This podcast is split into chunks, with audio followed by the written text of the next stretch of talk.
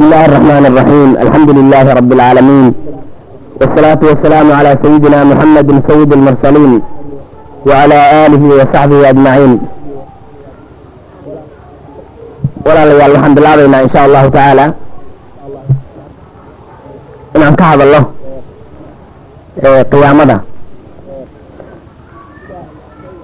sida la ogsoon yahay ama ay tahay dadka muslimiinta inay ogaadaan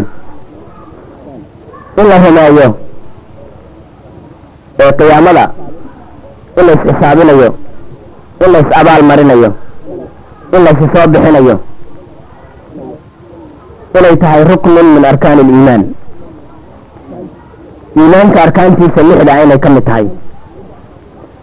Midaasoo ku timid xadiidka nabiga calayhi salaatu wasalaam laga warinayo uu ka warinayo sayidina cumar ibn khadaab radi allahu tacaala canhu imaam muslimna uu saxiixiisa ku soo saaray. Kitaabka xadiidkaasoo loo yaqaano xadiidu jibriil. Jibriil yaa intuu isu soo dhigaynin ayuu nabigeena weydiiyey wuxuu yahay islaamku iyo iimaanku. Marka marka uu weydiiyey jibriil nabiga iimaanka wuxuu yihi arkaanu liimaani sitta. Waxaa ka mida marka arkaanta lixda ah in la rumeeyo qiyaamada.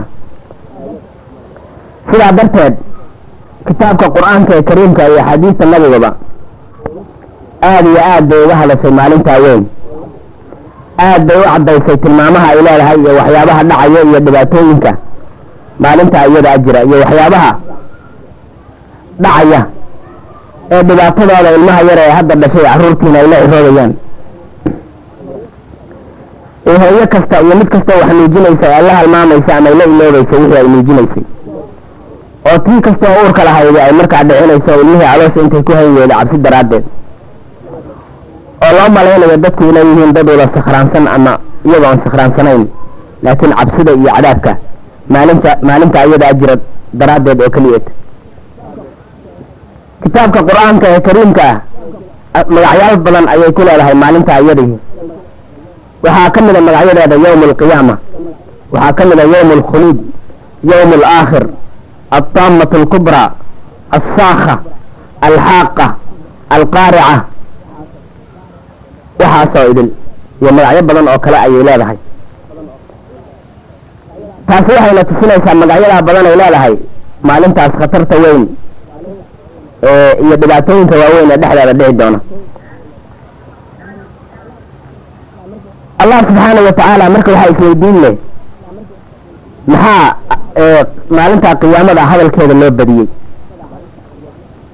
Maalintaa qiyaamada ka hadalkeeda maxaa loo badiyey? Qur'aanka kariimka haddii aad u fiirsato intuu suuro intuu ka hadlayo maalinta qiyaamada arrin kale uu ka hadlay waxaa ka jirta oo keliyeeta waxdaaniyada ilaahay. Waxdaaniyada ilaahay markuu ka hadlayana mar waxaa la xidhiidhiyaa oo oo qur'aanka ay wada socdaan oo isku lamaanaysan yihiin maalinta qiyaamada. Marka waxaa la rabaa oo allah subxaana watacaala uu aada ugaga hadlay maalinta ayada ah in la xusuusiyo qofka bani aadamka ah inta yar uu nool yahay uu dunida guudkeeda joogo inuu mar walba xusuusnaado maalinta iyada ah iyo waxyaabaha waaweyn ee dhacaya. Oo sidaa daraaddeed noloshiisa uu ku habeeyo ee waxyaabaha laga rabo ama looga baahan yahay in lagu badbaado maalinta iyada iyo dhibaatooyinka waaweyn ee dhacaya. Qof waliba wuxuu og yahay haddii imtixaan lagaa rabo ama in lagula xisaabtamo gaar ahaan ardada iskuullada iyo dhigata iyo jaamacadaha iyo imtixaan adag oo muhiim ah hadday gelayaan inay aada u dadaalaan oo hadhiyo habeen maray darsiga tagaan iyo mar ay akristaan iyo maray ay waxooda bartaan un inay noloshooda ku dhammaysanayaan. Iyagoo u diyaar garoobaya imtixaanka weyna isaga. Marka imtixaan ka weyni ma jiro maalinta qiyaamada waxyaabaha dhacaya sidaasaa kitaabka qur'aanka ee kariimka ah oo in badan uga hadlay maalinta ayada ah in badanna la xusuusiyo dadka bani aadamka. Ah waxaa hubaala qofkii qiyaamo xusuusan inuu iska ilaalinayo ilaahay amarkiisa inuu jebiyo qur'aanku wuxuu inoo sheegayaa dadka ilaahay caasinaya inay ahaayeen dad aan qiyaamada rumaysnayn.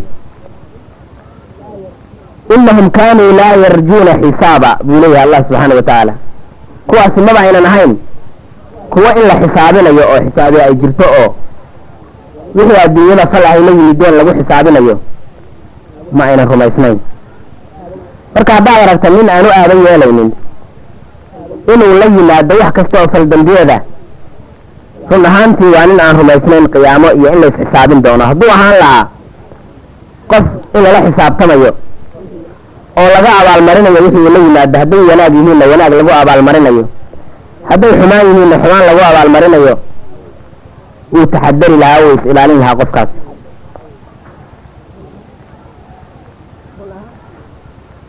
run ahaantii? Maalintaa qiyaama inay jirto waxay ka mid tahay cadliga ilaahay subxaana wa tacaala allah subxaana wa tacaala waxaa ka mid a asmaadiisa alcadl ayaa ka mid a alxakam alcadl. Waxaynu arkaynaa adduunyada markaynu ku noolahay in aan cadaaladi jirin adduunkii waxaad arkaysaa dadkii ay sooda dulminaya nin xoog sheeganaya oo ku oo miskiin ah maaragtay dilaya oo xoolihiisii dhacaya oo hantidiisii boodaya oo dukaankiisii bililqaysanaya oo maaragtay dumarkiisii iyo gabdhihiisii ka fuulaya oo xumaan kasta ku samaynaya. Marka ninkaa la dilay ee xoolihiisii la dhacay ee maaragtay sharaftiisii meel looga dhacay kii daalimka ah ee waxaa ku sameeyey haddii aynan jirin maalin loo kala garsoorayo. Cadaaladda ilaahay kaamil ma aynan noqoteen. Marka allah subxaana wa tacaala adduunyada waa waktigii laysku imtixaanayay looguma talagelin abaalmarinta dhabta ah. Maalinta qiyaamada anbu alla wuxuu leeyahay wanadacu almawaasiina alqista liyowmi alqiyaama. Maalinta qiyaamada ah ayaan miisaankii cadaaladda dhigaynaa. Marka nin waliba wuxuu la yimid faman yacmal mihqaala daratin khayran yara. Daro ama atam waa wax la qiyaaso waxa ugu yar ama ugu fudud oo bani aadamku og yahay. Ama dara wuxuu culayskiisu leegyahay oo khayra qofkii la yimaada khayran buu arkayaa khayran yara. Waman yacmal mihqaala daratin sharan yara. Ninkii la yimaado dara ama atam wux culayskiisu uu leegyahay oo xumaanana. Xumaantii un buu arkay oo foomkiisa ugu qoran. Marka maalinta ayada ah haddii aynan jiri lahayn waxa weeyaan cadaaladii ilaahay subxaana wa tacaala uu ku sifooday oo asmaadiisa ka mid ahayd ma aynan dhacdeen. Marka sidaa daraaddeed qiyaamada jiritaankeedu waaba arrin lagama maarmaan ah inay jirto qiyaamo. Marka ikhwaani bani aadamka iyo gaar ahaan waktiga hadda aan ku noolahay waxaad moodaa dadku waxay u dhaqmayaan sidii iyagoon qiyaamo rumaysnayn oo kale ama iska halmaamay. Maxaa jira faldambiyeedyada lala imanayo ee nooc kasta? Ah waxay ku tusinaysaa dadka dambiyadaa la imanayaay in maskaxdooda aynan ku jirin in ay soo mari doonto maalin la xisaabinayo oo waxa la waxay la yimaadeen oo dhan laga abaalmarinayo ee dembiyaal ah.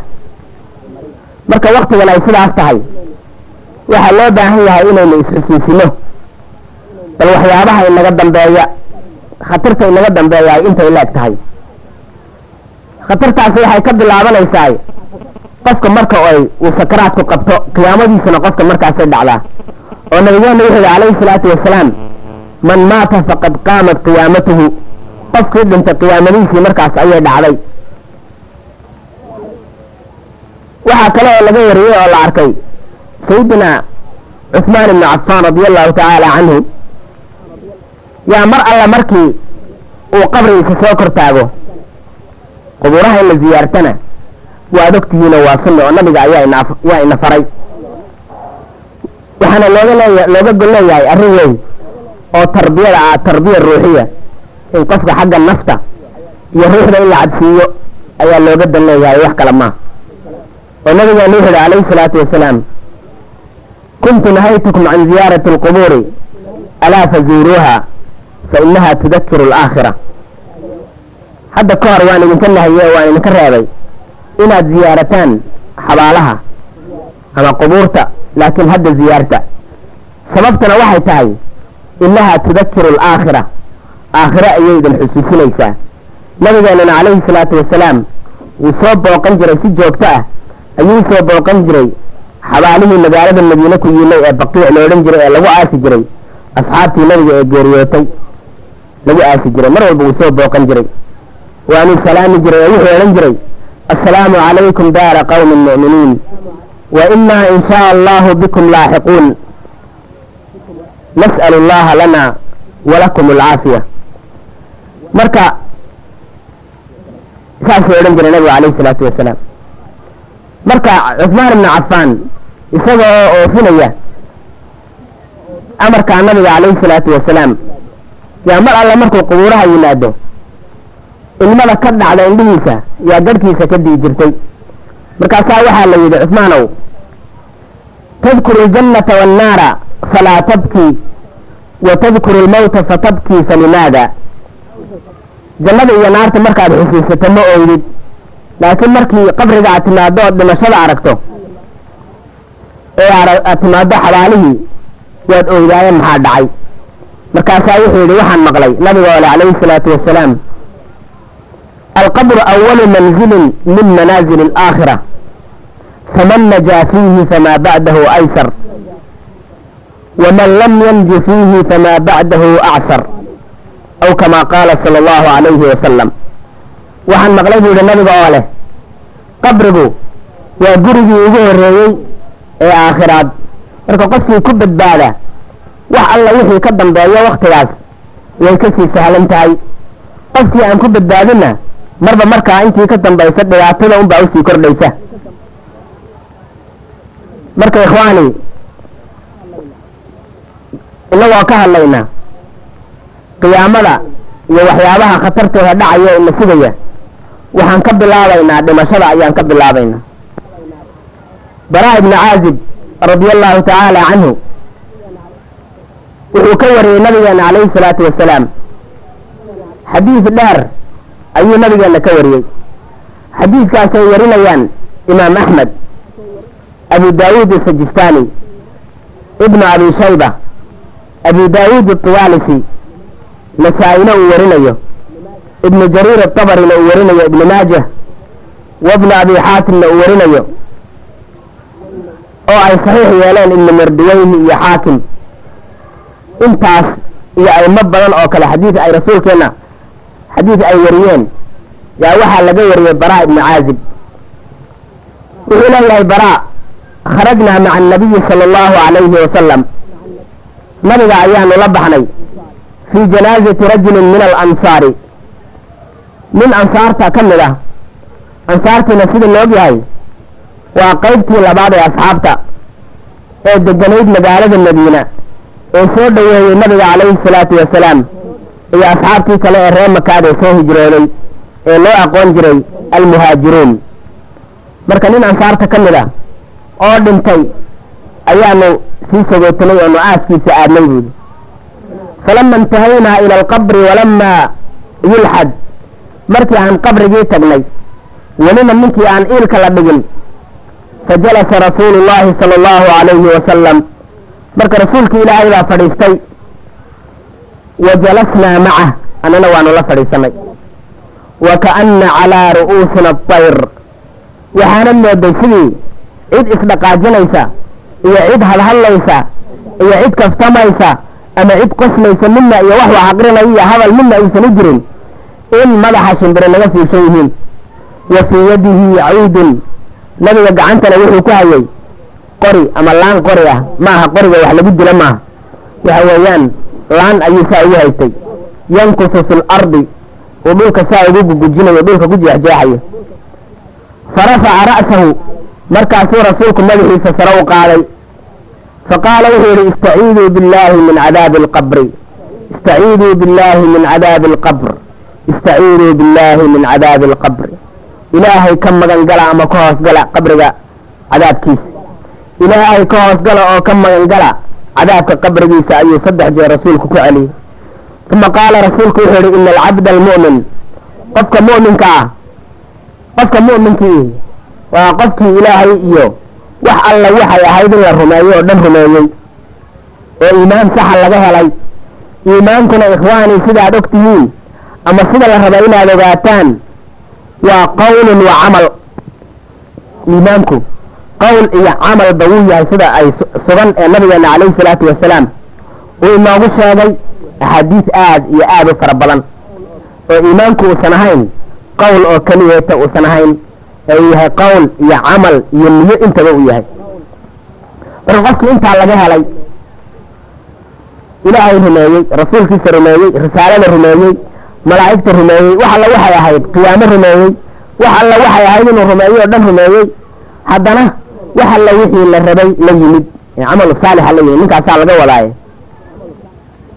ina alcabda almu'mina qofka mu'minka ah idaa kaana fi inqiطaacin min addunya wa iqbaalin min alaakhira haddii uu yahay mid adduunye ay u kala dhammaatay oo ka farxashay adduunyadiisii adduunyada intii loogu talagalay ay ka dhammaatay oo cimrigiisii dhammaaday oo ajashiisii ay soo gashay wa iqbaalin min alaakhira oo aakhirana uu soo galay oo uu rabo markaa aakhira inuu galo marka meeshaa waxaa ka muuqata aakhiraya adduunku xuduud bay leeyihiin xuduuddaas waxaynu inagu garan karayna ma aha. Waxyaabahan masaafada iyo fogaanshaha iyo dhowaanshaha waa qawaaniinta bani aadamka. Innaga ayaa meel fog iyo meel dhow leh. Laakiin waad garanaysaa wakaasoo aakhiriya adduunyo. Qofkii hadda saacaddan wuxuu ahaa nin reer adduunye ah. Isla ilbiriqsigii markay naftu ka baxdana wuxuu tegay reer aakhiro noqday. Marka meel ma kala jiraan. Aakhiriya adduunya wax meel kala jira. Ma aha. Ee innaga un baan dareemi karaynin marka qofku markuu dhimanayo oo nafta marka ay ka baxayso adduunyadiina uu ka bixi wuxuu gelayaa aakhiro oo kale aakhiradiibuu gelaya marka uu qofku sidaa yahay nazala ilayhi malaa'ikatun min asamaa waxaa cirka uga soo degaya malaa'ig biid lwujuuh oo wejiyadoodu cadcad yihiin. Kaana wujuuhahum ashams caddaanta iyo bilicda iyo sharafta iyo quruxda wejiyeeshooda ay leeyihiin waxaad moodaysaa sidii qoraxda oo kale. Macahum kafanun min akfaani iljanna waxayna sitaan malaa'igtaasi kafan kafankaasoo jannada laga keenay. Kafan jannada laga keenay bay sitaan. Wa xanuutun min xanuuti iljanna waxyaabaha qofka dhintay lagu udgiyo ama lagu carfiyo oo isla jannada laga keenay ayay wataan. Xataa yajlisuu minhu madda albasar waxayna fadhiisanayaan. Uma soo dhawaa uma soo dhowaanayaane meel ishu ay ku daasho. Laakiin yani meel laga arko qofka meesha ugu ugu shishaysa oo kale oo qofka laga arki karo halkaasay fadhiisanayaan. Marka wuu arki qofkii dhimanaya wuu arkayaa qof waliba oo maaragtay dul fadhiya ruux dhintay waxbuu fiirinayaa indhihiisu meel fog bay fiirinayaan.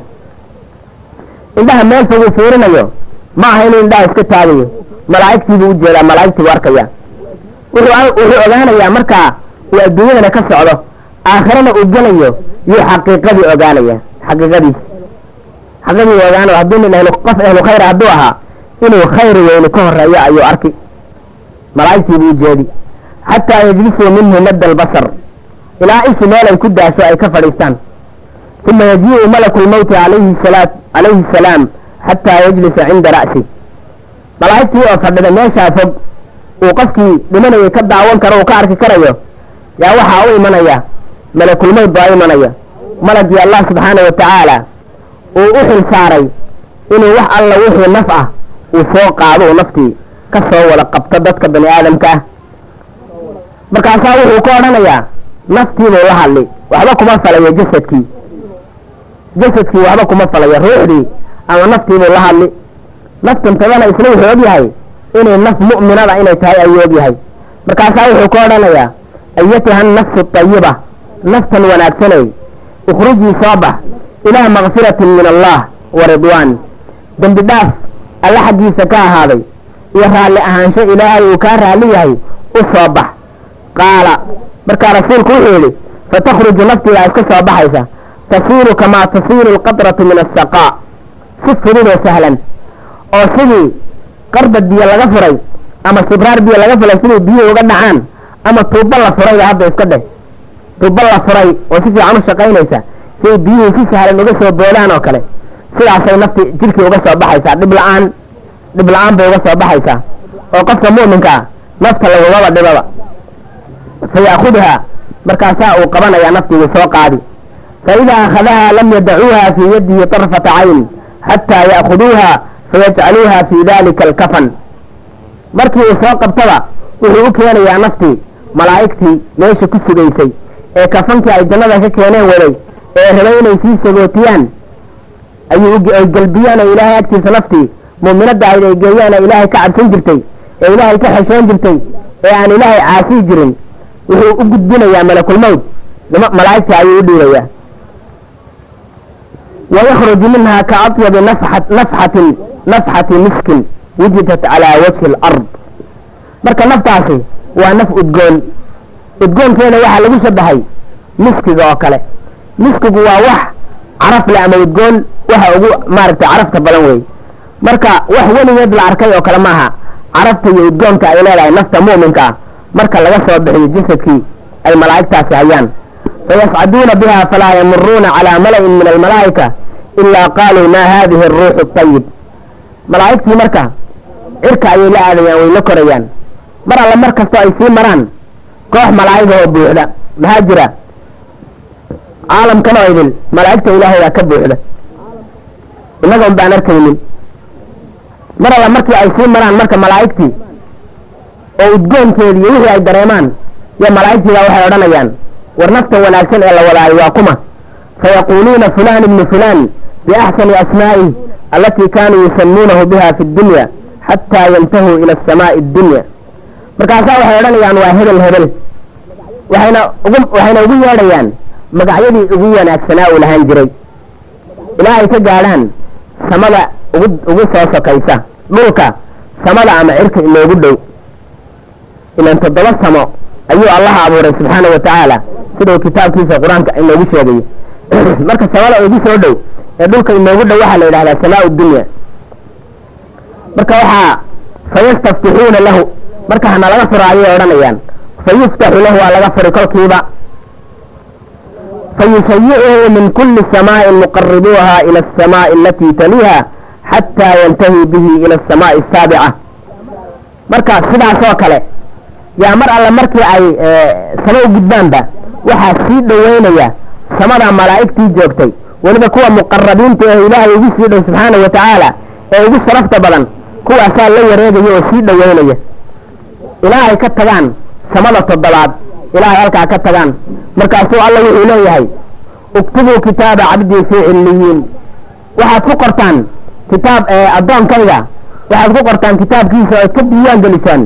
Diiwaanka weyn ee cilliyiin yaalla halkaa lagu diiwaan geliyo. Marka qofkii mu'minka ahaa toddobada samo ayaa loo furi. Magaciisana waxaa lagu qorayaa buugga weyn ama diiwaanka weyn ee yaalla meesha cilliyiin la yidhaahdo kalaa ina kitaaba alabraari lafii cilliyiin wamaa adraaka maa cilliyuun kitaabun marquumun yashhaduhu almuqarabuun waa midku allah subxaanau watacaala uu sidaas ku leeyahay suurati almutafifiin markaasaa wuxuu leeyahay alle waaciiduuhu ila alard fainii minha khalaqtuhum wa fiiha uciiduhum wa mina ukhrijuhum taaratan ukhraa markaa kadib markii ruuxdii saa loo soo qoro oo la diiwaan geliyo markaa kadib ha loo celiyo dhulka maxaa jira anigu dhulkaan idinka abuuray iyadaanan u celinayaa dhulkii iyadaanan ka soo saari doona mistaaqan liqowlihi tacaala minhaa khalaqnaakum wa fiiha nuciidukum wa minha nukhrijukum taaratan ukhraa. Qaala markaa rasuulku wuxuu yihi sala allahu calayhi wasalam fatucaadu ruuxuhu fii jasadih markaasaa ruuxdii markii toddobada samo laga soo celiyey toddobada sanata ugu sarraysa markii laga soo celiyey yaa dhulka la keenaya bal intay si jiraan eega waa masaafada iyo fogaanta iyo dhowaanshuhu waa inaga bani aadamka. Ah inaga bani aadamkaa wey innaga hadda sida ay leeyihiin nimanka masalan saynisyahanada ah sida ay leeyihiin waxaa jira xidigaha qaarkood. Fiiri si loo ogaado macnihii aad qiyaas uga qaadato. Kala fogaanta samaa-u dunyahan hadda inoogu sokeeya. Inta ay dhulka ka fog tahay qiyaas ahaan sida ay leeyihiin nimanka saynisyahanka ah adduunyada hadda inta laga warqabo waxay leeyihiin waxaa lagu qiyaasi karaa shan iyo toban shan iyo toban kun oo malyan oo sano. Shan iyo toban kun oo malyan oo sano. Marka waxaa jira iftiinka ama ilayska wuxuu ilbiriqsigii goynayaa saddex boqol oo kun oo mayl buu goynayaa ilbiriqsigiiba. Marka waxaa jira xidiga fogaanta ay naga fog yihiin iftiinkii waagaa ka soo baxay uusan weli ina soo gaadhin oo intaas soo socda. Marka maxaad u malayn fogida taas waxaa weeyaan waa xidig ka sokeeyo weli asamaa dunya. Marka samaa dunya oo toddoba kale ka sii shayso int meeshaas yaa la geeyey ruuxdii bani aadamka qofkii mu'minka ruuxdiis. Markaasaa laga soo celiyey dhulkii lagu soo celiyey intaasoo dhanna waa ilbiriqsi. Marka masaafada iyo fogaanta inaga agteenay fog tahay ilaahay agtiisa waxba kuma foga fatucaadu waa la soo celinayaa ruuxuu qofkii naftiisii fii jasadihi jirkiisa waa lagu soo celin fayaatiihi malakaan markaasaa waxaa u imanaya labadii malag baa u iman labada malagee munkar iyo nakiir la yidhaahdo ee qabriga qofkii dhintaba qof alla qofkii dhintaba su'aalaha weydiiyo oo imtixaanka koowaad waana imtixaanka ugu adag ee bani aadam galo marka qof walowba imtixaankaa u sii diyaar garow imtixaankaa isaga u diyaar. Maxaa jira imtixaanka haddaad ku dhacdo? Waa midii la ooyayay cusmaan ibnu cafaan. Imtixaankaa ninkii ku barmoosa dhib damba ma arkayo. Imtixaanada ka soo ka dambeeya dhan waa yihiin imtixaankaa ninkii ku dhacana guul dambe indhama saarayo. Inta imtixaan ee ka dambaysana wuu ku sii dhici. Imtixaanka aakhire ninkii ninkii dhacana fursad damba ma leh. Re-examination male iyo mar labaad hala imtixaanay iyo midna ma jirto marka imtixaankaas yaa laga qaadayaa fayaatiihi malakaani. Laba malag baa u imanaya fayujlisaanihi markaasay fadhiisinayaan fayaquulu lahu waxay odhanayaan marka su'aalaha weydiinayaanna aad bay u yar yihiin waa afar su'aaloodun afartaas su'aalood baa lagu weydiin.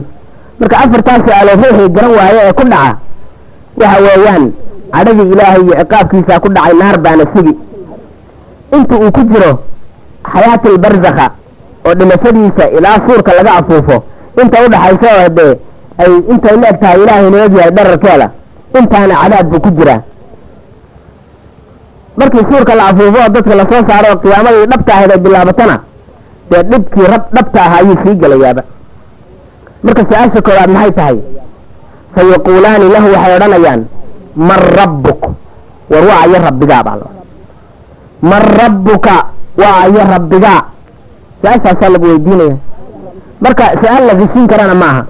Su'aal la geshin karo haddaadan horu aqoonin haddaynan dhab ka ahayn aqoonshahaagu aqoon dhaba aynan ahayn ay baysi iska ahayd maalintaa lagu waafajin maayo laguma waafajinayo. Qofkii si dhaba u yaqiinay. Marka waxaad u baahan tahay. Waxaa loo baahan yahay rabbigaada inaad taqaanaba. Ikhwaani man rabbuka ayaa cid walba la weydiinaya marka rabbigaa muxuu yahay? Rabbi muxuu yahay marka micnihiisa. Rabbigu waxa weeye afar shay oo waaweyn weeye micnihiisa inaad u taqaano weeye rabbi. Rabbi waxa weeye waa khaaliqu hada alkown wa anta minhu. Dunidan aad maanta ku noolahay waa kii abuuray weeye rabbigu waa kii abuuray. Adigana aad ka mid tahay. Dunida oo dhanna isaga abuuray cirka iyo dhulka iyo waxa dhexdooda ahee ku nool waa kii abuuray adiguna aad ka mid tahay khaaliqa ah. Taas waa mid. Micnaha kale ee rabbi uu leeyahay waxa weeye waa maaliku hada alkown adduunyada aad ku nooshahay uu isagu abuurtay kii iska leh weeye kii iska leh. Waa micnaha labaad uu rabbi leeyahay. Aan kuugu celiyo micnaha koobaad ee rabbi uu leeyahay waa dunidan aan ku noolahay oo idilkii abuuray. Micnaha labaadna waa kii iska lahaa micnaha saddexaadna waa kii u talinayey ee ku tasarufayey u talinayey ee ku tasarufayey weeye marka micnaha kale ee rabbi uu leeyahay waxa weeye sidaynu sheegnay micnaha saddexaad waa inuu yahay kownkan uu abuurtay uu iska leeyahay kii u talinayey ee ku tasarufayey ee si allah siduu doono ugu tasarufayay weeye facaalu limaa yuriid ah. Taas weeye micnaheedu maxaa jira allah subxaana wa tacaala dunidan uu isagu abuurtay uu iska leeyahay? Isagaa tasarufkeeda iyo taladeeda leh. Ninkuu rabuu abuuri ninkuu rabuu dili maalinta roob markuu rabuu keeni markuu rabo abaar buu ka dhigi ninkuu rabo ama qofkuu doono ee bani aadama gabdhuu siin kii kale wiilal buu siin nin labaduu isugu dari mid intaba wuu ka qabin oo wuxuu ka dhigayaa madhalays ama madhale waxa weeyaan allah subxaana wa tacaala ninkuu rabo wuu u gargaari ninkuu rabo guushi buu ka qaadi dawlad buu dhisi dawlad kaluu maaragtay dumin siduu alla siduu doono. Weeye allah subxaana wa tacaala waa facaalu limaa yuriid wuxuu raba xalaa wuu xalaalayn wuxuu rabana wuu xaaraantinimaynayaa. Marka waxa weeyaan qadiyada oo tasarufka ah ama utalinta ama maamulka allah subxaana wa tacaala oo kownkan maamulayo waa macno muhiim ah oo loo baahan yahay inaad taqaano. Si maalinta qiyaame ama marka aad dhimato markay labada malaku weydiiyaan man rabbuka ma odhanaysid lagumana waafajinayo allahu rabbi inaad tidhaah laguma waafajinayo. Haddii aanan rumaysnayn allah subxaana wa tacaala inuu yahay rabba haada alkownka u taliya. Siduu isla qur'aankiisa uu ku yidhi alaa lahu alkhalqu waalamru allah subxaana wa tacaala isagaa iska leh abuurka iyo taladaba wax walba isagaa abuuray kownka isagaa abuuray isagaa u taliya. Talada marka waxaa ka mid a talada weyn ee ugu weyn waxaa ka mid a allah subxaana wa tacaala inuu yahay alxaakim alaclaa ka u taliya adduunyadan ee ugu sarreeya inuu yahay. Amarkiisu inuu soconayo. Amar kale inaan laga ogolayn wuxuu isagu xalaaleeyo inay xalaal yihiin. Wuxuu xaaraantinimeeyena inay xaraam yihiin. Wuxuu isagu ogolaaday inay fasax yihiin. Wuxuu isagu xayiro inaan cid furi karta la arkin. Waxalla wuxuu isagu xayirana cid furi karta inaan la arkin.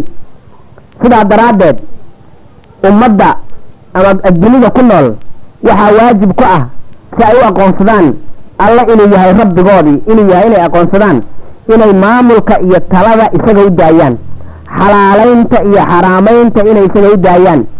Marka haddii cid kale cid kale oo bani aadama ama nin ha ahaado ama naag ha ahaado ama hal qof ha ahaado ama ha ka badnaadeen ama xisbi ha ahaado ama baarlaman ha ahaado ama wax kastaba ha ahaadee hadday iyagu sharciyo dejiyaan hadday wax xalaaleeyaan waxna xaaraantinimeeyaan waxaasoo aynan ilaahay fasax ka haysanin oo kitaabka ilaahay aynan ula noqonaynin iyo shareecada islaamka aynan ula noqonaynin dadkaasi rabbiyay iska dhigeen. ilaahayna rabbi uma aha. ilaahayna rabbi uma aha. markay dhintaanna allaahu rabbii lama waafajinayo marna lama waafajinayo. maxaa jira? iyagaa rabbiyaal iska dhigayba. waa shuraka weeye shurako weeyaan. Macnaha afraad ee uu leeyahay rabbi na waxa weeye waa bimacna almurabbi. Allah subxaana wa tacaala mar hadduu rabbi leeyahay inoo talinayo taladiisu waa inaga danteenna wey wakaa marka se afartaa micno ayay leedahay rabbi. Waa kii ina abuuray waa kii ina lahaa waa kii inoo talinayey taladuu inoo talinayaana waa inaga danteenna maxaa isagu inooma baahna. Allah subxaana wa tacaala wuxuu yidhi yaa ayuha annaasu antum alfuqaraa'u ila allahi wallahu huwa alghaniy dadow idinka alla u baahan idinka ayaa alla u baahan allana waa kii idinka maarma iyo cid walba mana ka maarma marka allah subxaana wa tacaala markuu inoo talinayo waa danteenna isaga dantiisa maaha haddii aynu weligeen xataa caabudno kulligeen haddaan alla caabudno waxba uma kordhinayso kulligeen haddaan caasinana oon amarkiisa jebinana wax aan yeeli karna ma leh sidii allah subxaana wa tacaala xadiisulqudsi inoogu sheegay xadiisulqudsi rasuulkeennu uu maaragtay alle xaggiisa looga soo waxyeelay inoo sheegay. Oo low ana awalakum uu yidhi nabigeenu calayhi salaatu wasalaam xadiisulqudsiga low ana awalakum wa aakhirakum wa insakum wa jinnakum kaanuu calaa afjari qalbi rajulin waaxidin minkum maa naqasa dalika min mulkii shay-a haddii kulligiin jinni iyo insi iyo kii idinku horreeyey ka ugu dambeeya. Aad ahaataan qofka idinku faajirsan ee idinku dembilaysan oo kale haddaad wada noqotaan alla waxay yeelaysaa aniga male dhinaca kale haddii low ana awalakum wa aakhirakum wa insakum wa jinnakum kaanuu calaa atqaa qalbi rajulin waaxidin minkum hadday tahayna wax alle waxay ii kordhinaysa ma leh. Maa zaada fii mulkii shay-a tii horena waxay ahayd maa naqasa daalika min mulkii shay-a haddaad kulligiin wada mujrimiin noqotaan milkigayga waxba ka goyn mayso. Haddaad kulligiin wada adkeen noqotaanna waxba aniga ii kordhin mayso. Sidaa daraaddeed ilaahay inooma baahna cibaadadeennana uma baahna. Innaga unbaa ina anfici inamaa hiya acmaalukum uxsiyaha lakum faman wajadahaa khayran falyaxmid illaaha waman wajada gayra dalik falaa yaluumanna ilaa nafsah saasuu allah subxaana wa tacaala xadiidulqudsiga inagu leeyahay ninkii marka waa acmaashii muuya ninkii khayr ka hela ilaahay ha ku mahadiyo. Kii kalena cid aan naftiisa ahayn yuusan canaananin. Cid aan naftiisa ahayn yuusan canaananin ama uusan maaragtay eedaynin. Marka ilaahay ino inooma baahna. Markuu inoo talinayo talada ilaahay waa danteenna waxaa marka yaab leh in taladii ilaahayna aan diidno. Tala bani aadamna aan qaadanno. Bani aadamkaasoo marna aan khaali ka ahayn jahli oo ilaahay aan ku cilmi dhannayn ma qof muslina yaa wuxuu odhanayaa ilaahay iyo bani aadam yaa isku cilmi ah kalla. Muslim sidaa ma odhanayo. Marka markoo aad talada ilaahay qaadanayso oo talada ilaahay qaadashadii qaadashadeedooda waa inaad islaamka u hogaansanaato waa inaad shareecada islaamka ku dhaqanto weeyaane. Waxa weeyaan talada ilaahay markaad qaadato waxaad ku hoos jirtaa cilmigii ilaahay. Qaanuunka ama sharciga ilaahay uu kuu dejiyey wuxuu ka soo fulay alle oo leh cilmi mutlaq ah cilmi aan la koobi karayn. Ka bani aadamku markaad qaadana waa cilmigaa xadidan ee jahliga leh. Midda kale bani aadamku khaali kama aha marnaba ama kama madna inuu dana wato kuwa sharciga dejinaya ee arbaabta ama rabbiyaalka aad ka dhigatay. Dano ayay mar walba fiirinayaan iyaga dantooda iyo inta iyagu isku danta yihiin dantooda ayay fiirinayaan. Dadka uma danaynayaan marka dantaada ma aha alliha adiga ku abuurayse dadku way u siman yihiin. Kulli addoommada cid uu soo dhawaysanayo cid uu fogeynayo ma jirto way siman yihiin. Marka taasna waa mid. Marka jahli iyo maxaanku idhahdaayay maslaxo marna kama kama madhna bani aadam. Marka taas weeye micnaha rabbi. Rabbi micnihiisa waa inaga danteenna ayuu yahay. Maaragtay taladiisa waa inaga danteen. Su'aashaasaa lagu weydiin man rabbuka waryaa rabbi kuu ahaan jiray. Yaad u hogaansanaan jirtay. Yaa sharciyada kuu dejin jiray. Ma ilaahay mise cid kale weeye. Man rabbuka. Fayaquulu wuxuu odhanayaa qofkii mu'minka ahaa rabbiy allah. Rabbigay waa alleh yuu odhanayaa. Fayaquulaani lahu waxay ku odhanayaan garanay taase maa diinuka. Wardiintaaduna maxay tahay? Fayaquulu wuxuu odhanayaa diini lislaam aniga diintaydu waa islaamka waa su'aashii saddexaad su'aashii labaad. Su'aashii saddexaadna waxa weeye fayaquulaani lahu waxay ku odhanayaan maa haada arajul aladii bucita fiikum? War ninkan laydiin soo diray muxuu ahaa. Riwaayadaha qaarkood waxay odhanayaan sawirkii nabiga ayaa la horkeeni sawiru eg nabiga ayaa la horkeenaya marka qofka mu'minkii wuu garan fayaquulu wuxuu odhanayaa huwa rasuulullah. Ninkani waa rasuulki ilaahi sala allahu calayhi wasalam su'aasha ugu dambaysa fayaquulaani lahu waxay ku leeyihiin wamaa cilmuka? oo maxaa ku ogeysiiyey inuu rasuulka ilaahay maxaad ku ogaatay? Fayaquulu wuxuu odhanayaa qara'tu kitaab allah. Ilaahay kitaabkiisaan aqriyay oo qur'aanka fa aamantu bihi. Markaasaan rumeeyey wasadaqtuhu waan rumaystay saasuu odhanaya fa yunaadii munaadin min asamaa cirka ayaa la xaggeeda laga dhawaaqayaa.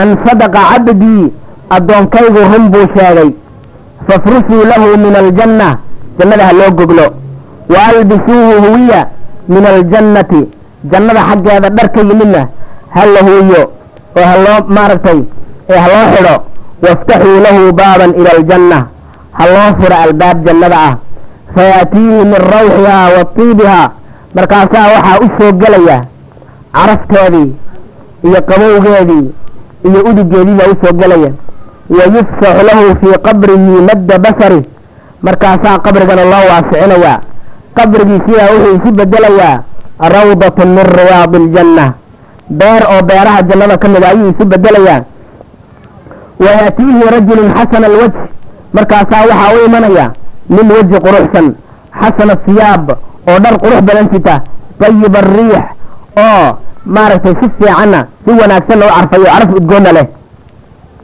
markaasaa wuxuu ka odhanayaa abshir bialadii yasuruk haadaa yawmuka aladii kunta tuucad waxaad ku bishaaraysataa wax alla wuxuun ku farax geliya weligaa oo dambe waxaad ka naxda arki maysid. Wax uun ku farax geliyo oo wanaaga oo naftaadu ay ku faraxdo uun maaragtay ku bishaarayso ayuu odhanayaa. Marka ninkiibaa wuxuu leeyahay dhintay qofkii muuminka ahaa man anta war adigu yaa tahay fawajhuka aladii ya'tii bilkhayr wejigaagu waa kii khayr la imanaye yaa tahay fayaquulu ana camaluka asaalix waxaan ahay anigu camalkaagii wanaagsanaa ee markaad adduunyada joogtay aad samayn jirtay ayaan ahay oo la suureeyey fayaquulu wuxuu odhanayaa rabbi aqim isaaca xataa arjica ilaa ahlii wa maalii ilaahayow haddaba qiyaamada rid qiyaamadu ilow may hadda dhacdo aan iska aado reerkaygii iyo dadkaygii iyo jannada aan aada ila wuxuu arkayaa waxa sugaya wax waxaasoo dhan buu ogaanayaa marka ikhwaani qofka mu'minka ah ee ilaahay rumeeya subxaanahu wa tacaala alla rabbinimadkiisa rumeeya. Ogaado inuu allah subxaanahu wa tacaala uu rabbigiisa yahay. Inuu waay kii abuuray kii iska lahaa oo milkigiisa uu ku jiray. Walilaahi milku asamaawaati waalardi wamaa baynahuma ilaahay subxaanahu wa tacaala wuxuu iska leeyahay cirarka iyo dhulalka milkigoodu iska leeyahay isagaa iska loo abuurtay iyo wax alla wixii u dhexeeyey iyo waxay ku soo noydin oo rumaysan allah subxaanahu wa tacaala makhluuqaadka iyo kownkaa uu abuuray oo dhanna inuu isagu ku tasarufo siduu alla uu leeyahay alaa lahu alkhalqu waalamru war wax kasta alla abuuray isagaana u taliya oo talada alla u daaya oo alla taladiisa sugo oo tiisa qaata oo ka amar qaata awaamirta allah oo ku sugan kitaabka qur'aanka iyo sunnada nabiga sala allahu calayhi wasalam iyo shareecada islaamka oo labadaas maaragtay ka baxa. Marka qofkii maaragtay adduunyada markuu joogay sidaa ahaa oo alle ka rabbi dhiganayay oo isaga marka u hogaansamayay allihii sidaa ahaa u hogaansamayay oo caabudayay oo ka dambayn jiray. Macna alcibaadana waxay tahay allaha rabbigaaga ahee ku abuuray ee kule ee kuu taliya ee dantaada ka shaqaynaya ee dantaada kuu maamulaya sidai adiga maslaxadaada inaad marka ka dambayso inaad caabuddo inaad u hogaansanaato inaad jeclaato inaad maaragtay raalli ka ahaato awaamirtiisa. Wax alla wuxuu ku faray inaad yeesho. Wax alla wuxuu kaa reebay inaad ka reebboonaato wey. Marka alcamalu saalix marka la leeyahay waa kelmad weyn. Waxaa ugu horaysa camalu saalixa waxaa ugu horaysa inaad mu'min noqoto.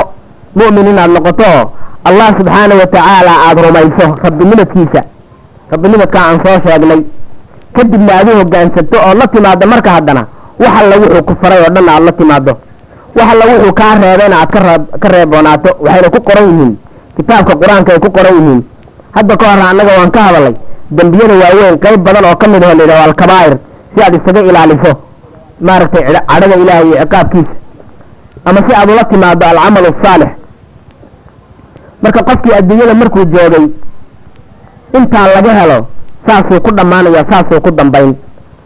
Amaa waxaad ahayd qof kaafira ama munaafiq aan ilaahay rabbinimadkiisa rumaysnayn oo waxyaalo kale caabudi jiray ama shaydaan caabudi jiray ama qori caabudi jiray ama dad caabudi jiray dad dad dab maaha ama dab caabudi jiray ama dad caabudi jiray ama dadkaasi waxay keeneen caabudi jiray oo andimadooda iyo qawaaniintooda iyo shuruucdooda ah oon ilaahay u hogaansanayna dadadkaa kale u hogaansanaan jiray oo waxay la yimaadaan caabudi jiray ama naftiisaba caabudi jiray oo naftiisa ilaah ka dhigan jiray waxala waxaasoo dhan oo xaqa diiday oo diintii lagu kari waayo hadduu yahay qofku muxuu ku dambayn waa kan.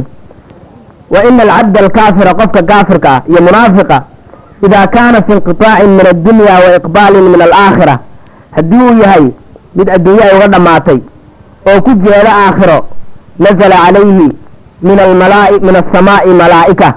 Waxaa isna loo keenayaa oo cirka looga soo dejinayaa malaa'ig.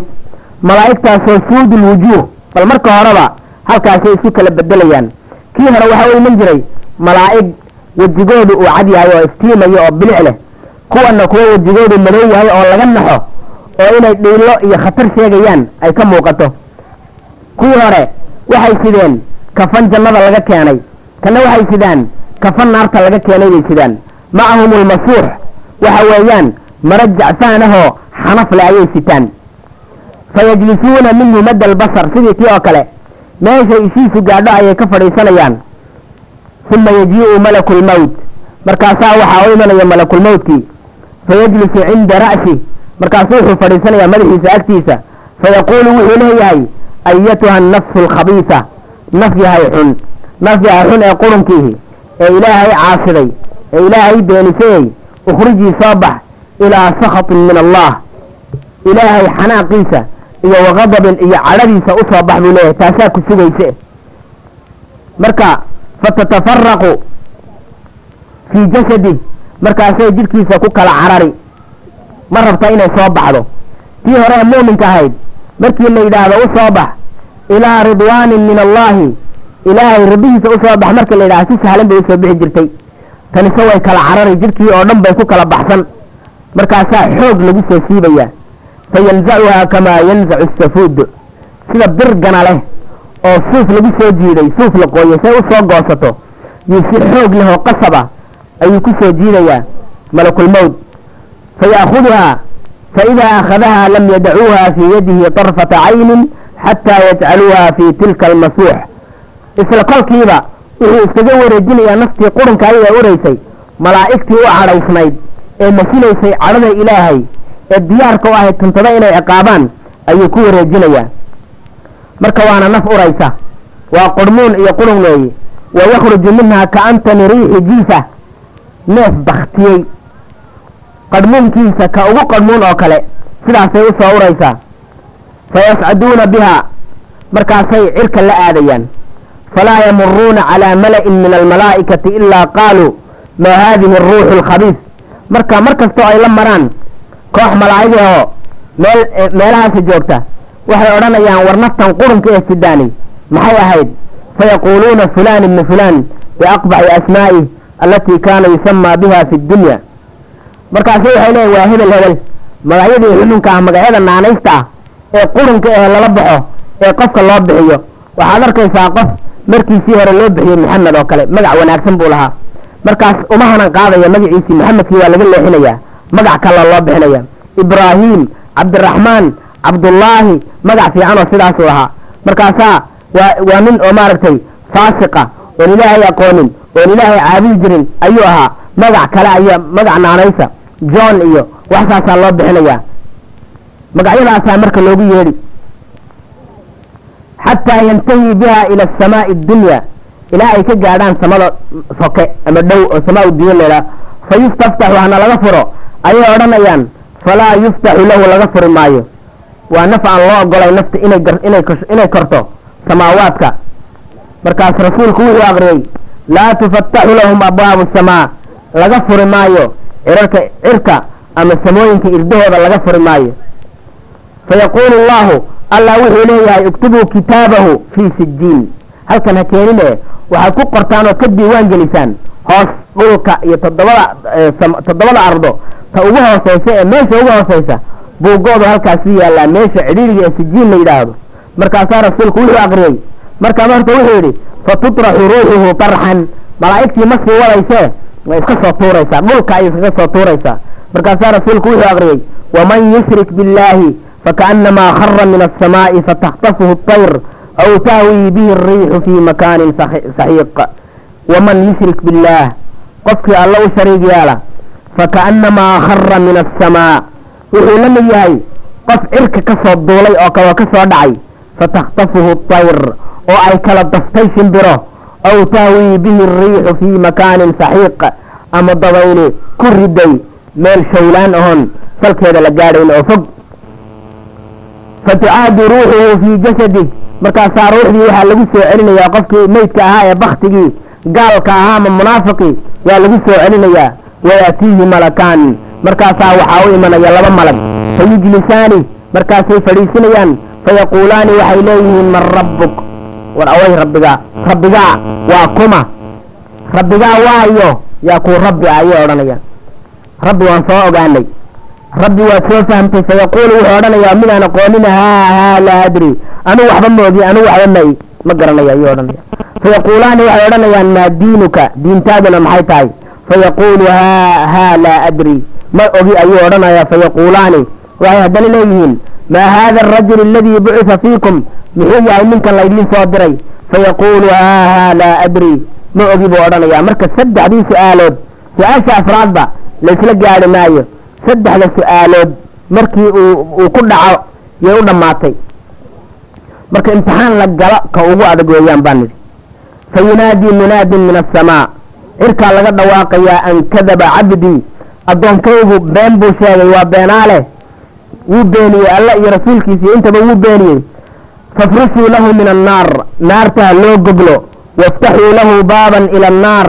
Albaab naarta ana loo furo. Fayaatiihi waxaa u soo gelaya min xarihaa kulaylkeeda wa samuumihaa iyo hanfigeeda yaa u soo gelaya. Wayabiiqu calayhi qabruh qabrigiisina wuu ku cidhiiryamayaa xataa takhtalifa fiihi adlaacu ilaa feedhihiisa ay isdhaafaan wayaatiihi rajulun qabiixu lwajhi qabiixu siyaabi mumtinu riix markaasaa waxaa u imanaya nin foolxun oo dhar foolxun sita oo uraya oo qadmuuna fayaquulu wuxuu ka odhanayaa abshir biladii yasuu'uk waxaad ku bishaaraysataa wax alla wax kaa nixiya oo keliyeeta oo ku xumeeya haadaa yowmuka aladii kunta tuucad waa maalintii laguu yaboohay fayaquulu man anta war waa kumaa tahay buu odhanayaa. Fawajhuka aladii ya'tii bishar wejigaagu waa midkii xumaan iyo shar la yimaado une fayaquulu wuxuu odhanayaa ana camaluka alkhabiis camalkii xumaa eed samayn jirtay baan ahay. Adduunyada markaad joogtay wixii aad samayn jirtay ayaan ahay. Dadkaad dili jirtay dadkaad dhici jirtay macsiyadaad samayn jirtay khamradaad cabi jirtay xumaantaad samayn jirtay adduunyada markaad joogtay anigu tii baan ahay tii baan ahay. Fayaquulu wuxuu odhanayaa rabbi laa taqim isaaca rabbi laa tuqim isaaca ilaahay qiyaamaduba aynan dhicin. Maxaa jira? Wuxuu arkayaa waxa sugaya waxa sugaya ee dhibaato ah ayuu arki markaasu wuxuu og yahay inay intani u dhaanto dhibkaanuna isaga sugnaado inay u dhaanto oo waxa sugayaana ay ka sii dhib badan yihiin. Ikhwaani wax weyn baa ina sugaya dhibaato weyn ayaa ina sugaya maalin walba waynu aragnaa. In la dhimanayo waynu aragnaa. Qofkii dhintana markii uu indhaha caddaynayo elila war indhaha isku qabtay indhaha caddaynayo wuxuu fiirinayaa oo keliyata malaa'igtaasuu arkayaa. Wuxuu og yahay markaa iyadaa ehlu khayr inuu yahay iyo ehlu shar midku yahay wuu og yahay. Laakiin dib ha lagu celiyeeyo wax dambe oo laga yeelaya male kalaa inahaa kalimatun huwa qaa'iluhaa wa min waraa'ihim barzakhun ilaa yawmi yubcasuun saasuu leeyahy allah subxaana wa tacaala rabbi irjicuun lacallii acmalu saalixan fiima tarakt markuu leeyahay rabbi ow celi rabbi ow celi buu leeyahay qofka gaalka ama munaafiqii markuu arko dhibaatadaa sugaysa kan kale malaa'ig baa u imanaysa malaa'ig baa imanaysa u bishaarayn ka kalena naar baa loogu bishaaraynaya marka waa fursad yaad haysataa inta aada nooshahay inta hadda aada nooshahay ee aadan waktigaa isaga a gaadhin qof walowba fursad baad haysataa ilaahay caqli buu ku siiyey rasuul buu kuu soo diray kitaab qur'aana ayuu kuu soo dejiyey. Kitaabkii qur'aanka ahaabaa yaalla sunnadii nabiga ayaa taalla culummadiibaa jooga waa laguu sheegayaa cilmi baro allihii ku abuuray baro allihii ku abuuray ka dambe allihii ku abuuray caabud. Waa middaa midda laguu keenay adduunka. Wamaa khalaqtu aljinna waalinsa ilaa liyacbuduun maa uriidu minhum min risqin wamaa uriidu an yutcimuun. Taas weeye. Ilaahay darti ilaahay ilaahay inaad caabuddo ayuu kuu abuurtay. Markaad caabuddana adaa faa'iidadaa helaya. Isaga waxaad u tari ma leh. Haddaad caasidana isaga waxaad yeelaysa ma jirto. Marka nin walowba intaa yaree hadda adduunyada aada joogto oo aada u gaaban aada iyo aad bay u gaaban tahay. Boqol sano haddaad nooshahay waa wax gaabanuun qofkii maanta siddeetan sano jira haddaad weydiisay imisaad soo noolayd waa aad bay ula yar tahay. Midda kale nolosha waa maraad carruur tahay iyo maraad oday tahay. Inta aad maaragtay xoog leedahay waaba in iska yarba. Hadday ugu badato waa soddon ama afartan sano. Inta kaleo dhan ama carruur baa tahay ama oday baa tahay. Marka war intaas war shaydaan yuu ku duufsanin. Shaydaan yuu ku duufsanin. Maalinta qiyaamadu way ku sugi qabri baa ku sugi xisaab baa ku sugi su'aalulqabri baa jira cadaabulqabri baa jira saasaa qabri la isugu cadaabaya. Marka qof walowba intay goori goor tahay hadda isdaba qabo toobadii weli way furan tahay. Saacadda intaadan gaadhin oo dhan toobaddu way furan tahay. War u toobadkeen ilaahay ku abuuray. War wixii xumaanaheed ku jirta faraha kala bax.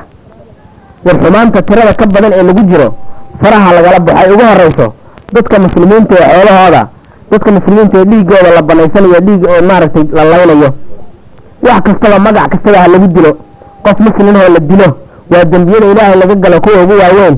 Markaan kabaa'irta ka hadlayna ayaan soo aragnay.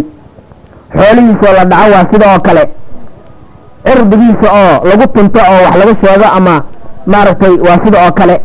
Warni walowba hadda toobadkeen war imtixaankaa intii aadan gaadhin. Imtixaankaasi markuu rabo ayuu iska iman karaa waad ogtihiin geeridu meel kaama jirto. Geeridu meel kaama jirto. Goor aad dhimanaysana adigu ma taqaanid. Rasuulkaaga muxameda sala allahu calayhi wasalam wuxuu yidhi ayuha annaasu tuubuu ila allahi wardadow ilaahay u toobad keena. Fa innii atuubu ilayhi wa astakfiruhu fi lyawmi mi'ata mara maalintii boqol jeer baan ilaahay u toobad keenaa. Dembi dhaaf la weydiistaa. Marka rasuulka oo dembigiisii oo dhan la dhaafay dembigiisii oo dhan la innaa fataxnaa laka fatxan mubiina liyakfira laka allahu maa taqadama min dembika wamaa ta'ahara wey. isaga dembigiisii oo dhan waa la dhaafay. Adigoo marka kaagii waxba laga dhaafin waa inaad ilaahay u toobad keento. Sida qurhe lagu dhaafi karaana waa inaad toobad keento. Toobaduna shuruudahaasay leedahay. Inaad dembiga aad aad faraha kala baxdo. In dembigii inaad faraha kala baxdo. Inaadan dib ugu noqon inaad go'aan ku gaadho. Inaad ka qoomamooto xaq bani aadam hadduu ahaana inaad iska celiso. Hanti hadduu ahaa inaad iska celiso. Dhiig hadduu ahaa inaad ismakamisoo tidhaahdaa. Ninkii sidaa rabta ii gal ama idilo oo iqisaaso ama icafi oo biyo aan ku siiyo. Saas wey si kaleo lagugu dhaafayaay ma jirto. Haddaba ha la toobad keeno. Ilaahay ha la barto. War rabbigaa nin wadowba aqoo rabbigaa aqoon.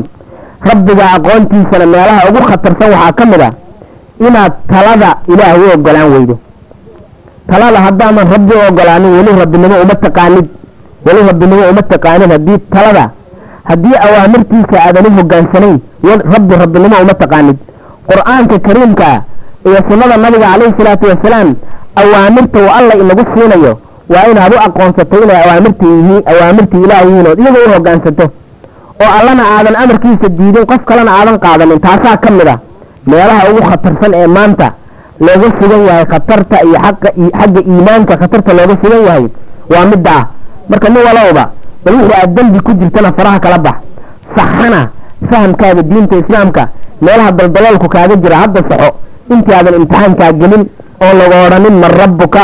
oo haddii aadan rabbiga allah subxaanau watacaala haddii markaad adduunyada joogtay uusan rabbi dhaba ku ahayn oodan isaga rabbi ka dhiganaynin imtixaanka waad ku dhici. Haa laa adri unbaa ku haysata marka ikhwaani maaragtay darsigeenii koodaad ee ku saabsanaa qiyaamada oon maanta ku qaadanay qabriga iyo dhimashada intaasaan ku joojinaynaa wasalaamu calaykum waraxmat ullah